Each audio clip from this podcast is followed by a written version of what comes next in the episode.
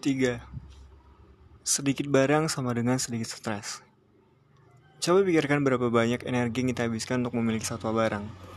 Merencanakan untuk membeli, membaca ulasan tentang barang tersebut, mencari diskon, mengumpulkan, atau mungkin meminjam uang untuk membeli, pergi ke toko, membawa pulang, mencari tempat penyimpanan, belajar menggunakan barang tersebut, membersihkan area sekitar barang, merawat, membeli bagian lain, membeli asuransi, melindungi, berhati-hati agar barang tidak rusak, membetulkan barang jika rusak, dan bahkan kadang mengeluarkan uang lagi setelah membuangnya. Sekarang coba kalian setiap coba kalikan setiap tahapan ini dengan jumlah barang yang Anda punya. Wow, melelahkan sekali. Merawat semua barang bisa menghabiskan seluruh waktu kita. Sadarkan Anda.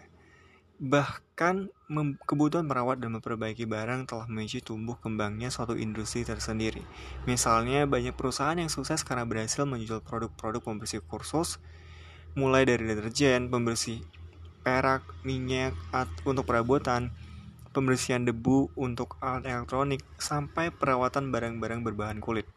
Bisnis asuransi tumbuh pesat karena ada kemungkinan kendaraan, perhiasan, atau barang seni kita dicuri atau dirusak. Ahli kunci perusahaan sistem alarm dan keamanan berjanji melindungi rumah kita dari tindak perampokan. Ada pula berbagai penyedia jasa reparasi yang siap memperbaiki barang rusak Anda, serta jasa pindah rumah yang siap membereskan semua barang dan meletakkannya di tempat lain.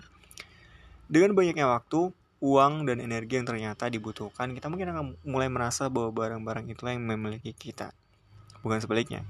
Sekarang mari kita lihat seberapa besar pesan stres di balik keputusan kita membeli sesuatu. Pertama-tama, kita biasanya stres karena tidak memiliki suatu barang. Mungkin kita melihat iklan atau barang di toko, lalu tiba-tiba merasa tak sanggup hidup tanpa barang itu.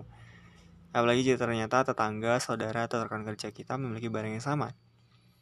Duh, jangan-jangan hanya kita yang satu-satunya orang yang tidak memilikinya. Pada saat itulah rasa serba kekurangan mulai muncul. Berikutnya, kita akan stres memikirkan cara membeli barang itu. Sayangnya tidak ada orang yang bisa atau mau menghadiahkannya kepada kita sehingga kita harus berusaha sendiri. Kita pergi dari satu toko ke toko lain atau dari satu situs ke situs lain untuk mengecek harga sambil berharap ada yang menawarkan potongan harga. Kita tahu kita tidak mampu membelinya saat itu juga, tapi kita merasa ingin memilikinya sekarang. Akhirnya kita pun mengumpulkan uang yang kita miliki bekerja lembur atau bahkan menggunakan kartu kredit sambil berharap bisa melunasi tagihan itu sebelum tenggatnya. Lalu tibalah hari istimewa itu saat transaksi berlangsung. Akhirnya barang itu jadi milik kita. Cuaca cerah, burung bersiul riang, dan stres yang kita rasakan sebelumnya hilang. Benarkah? Coba pikirkan lebih cermat. Setelah menghabiskan begitu banyak uang, kita pasti harus merawat barang itu. Karena setiap kali membeli suatu sesuatu, kita tidak hanya menambah jumlah barang, tapi juga tanggung jawab. Kita harus memastikan semua barang dibersihkan secara teratur karena debu atau kotoran mungkin akan mengganggu fungsi dan usia ketahanannya. Atau barang itu harus dijauhkan dari jangkauan anak-anak dan hewan peliharaan. Kita pun mungkin harus lebih berhati-hati saat menggunakan barang itu agar tidak rusak atau kotor. Tidak percaya? Coba bayangkan berapa kali Anda memarkir kendaraan di tempat terujung atau dibuat kesal karena menemukan goresan atau penyakit pada mobil. Bagaimana rasanya saat blus mahal Anda yang terbuat dari sutra terkena noda sambal? Ketika hal-hal itu terjadi dan pasti akan terjadi, kita merasa stres memikirkan cara memperbaiki atau membersihkan kerusakan dan noda, kita sibuk mencari saran dengan baca buku petunjuk atau melusuri internet, kita pergi membeli peralatan yang dibutuhkan.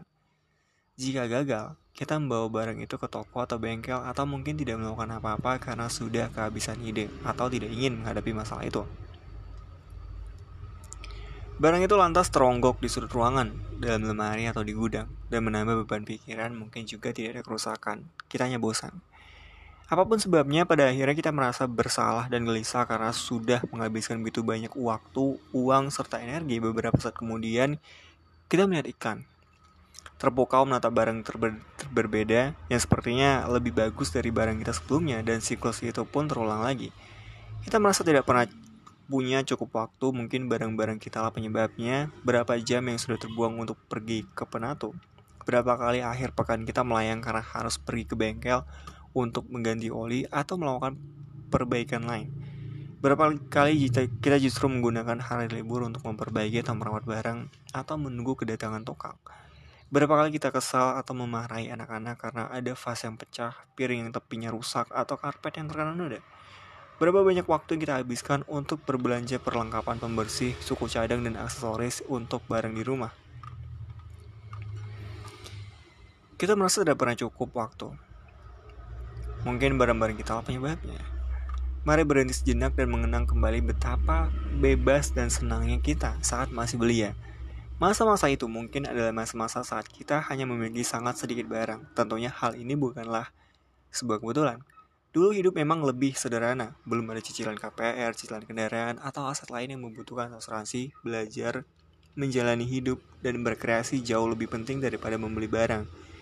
Dunia bagaikan taman bermain dengan kemungkinan yang tak terbatas. Nah, kebahagiaan semacam itulah yang bisa kita raih kembali dengan cara hidup kita, hidup minimalis. Kita harus menaruh semua barang pada tempatnya agar tidak mendominasi perhatian kita.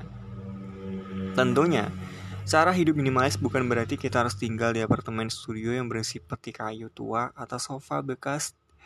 Tidak, untuk sekarang coba bayangkan hidup dengan hanya setengah dari barang yang kita miliki saat ini. Sungguh lega dan nyaman, kerja keras dan kekhawatiran kita berkurang separuhnya. Begitu pula kewajiban membersihkan, memelihara, dan memperbaiki, bahkan utang kartu kredit hasilnya adalah uang, waktu, dan energi yang lebih banyak. Apa saja yang akan bisa kita lakukan?